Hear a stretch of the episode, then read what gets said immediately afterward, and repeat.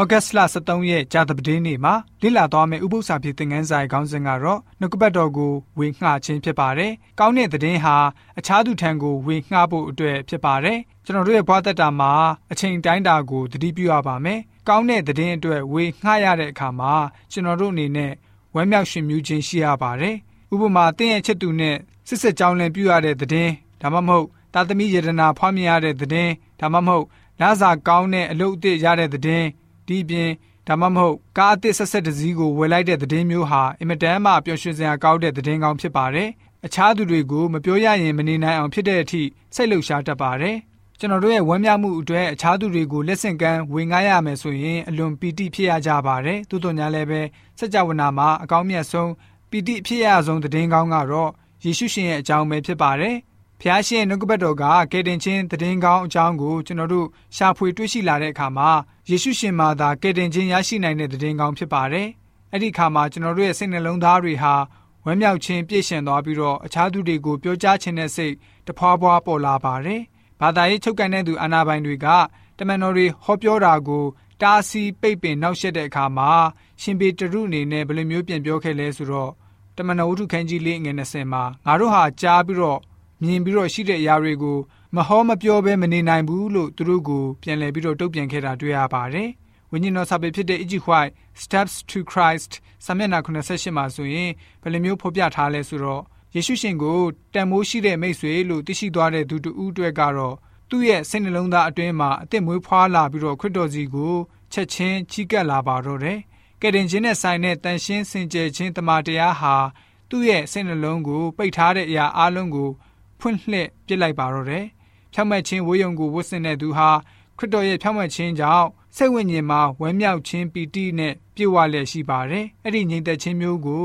တိတ်ဆိတ်စွာနေပြီးတော့မပြောကြဘဲမနေနိုင်တော့ပါဆိုပြီးတော့ဝိညာဉ်တော်စာပေကဖော်ပြလိုထားပါတယ်။ယောမဩရစာခန်းကြီး1ငယ်14ရက်နေ16မှာရှင်ပေါလုအနေနဲ့ဘယ်လိုမျိုးပြောထားလဲဆိုတော့ဟေလတလူဖြစ်စေလူရိုင်းဖြစ်စေပညာရှိဖြစ်စေပညာမဲ့ဖြစ်စေလူအမျိုးမျိုးတို့ဤကြွေးသည် ငါတို့၌တင်လဲရှိ၏တို့ဖြစ်လင်ငါတက်နိုင်သမျှအတိုင်းယောမမြို့သားဖြစ်သောသင်တို့အားဧဝံဂေလိတရားကိုဟောခြင်းကစေတနာစိတ်ရှိ၏ငါသည်ခရစ်တော်၏ဧဝံဂေလိတရားကြောင့်ရှက်ကြောက်ခြင်းမရှိအကြောင်းမူကားထိုတရားသည်ရှေးဥစွာ၌ယူဒလူနောက်၌ဟေလသလူ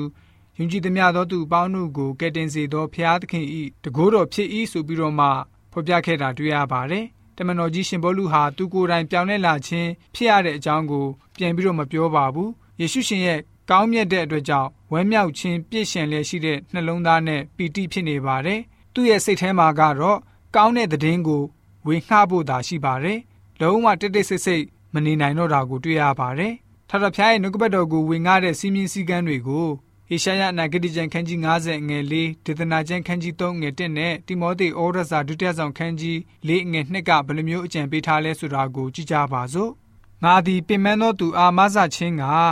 စကားပြောတတ်မိအကြောင်းအရှင်ထာဝရဘုရားသည် လူတက်ဤနှုတ်တတိကိုငါအားပေးတော်မူပြီးနည်းနည်းအစဉ်တိုင်းငါကိုနှိုးတော်မူ၏စာတင်သောသူကဲ့သို့နားထောင်စေမိအကြောင်းငါနားကိုနှိုးဆော်တော်မူ၏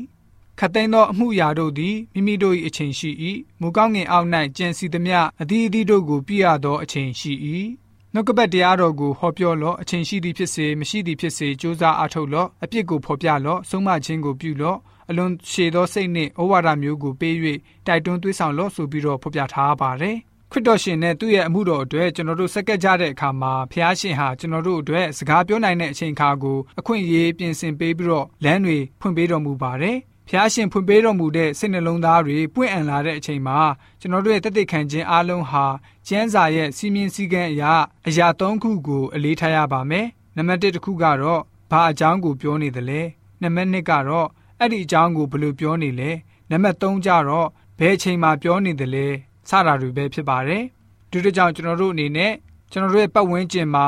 ဖျားရှင်အကြောင်းကိုဝင်းကတက်တည်ခံတဲ့အခါမှာဖျားရှင်အတွက်အကောင်းဆုံးတက်တည်ခံနိုင်ကြတဲ့တက်တည်ခံတဲ့သူတွေဖြစ်စေဖို့အတွက်ဇာတပတင်းနေဥပု္ပ္ပစာပြေသင်ခန်းစာကဖော်ပြပေးထားပါတယ်။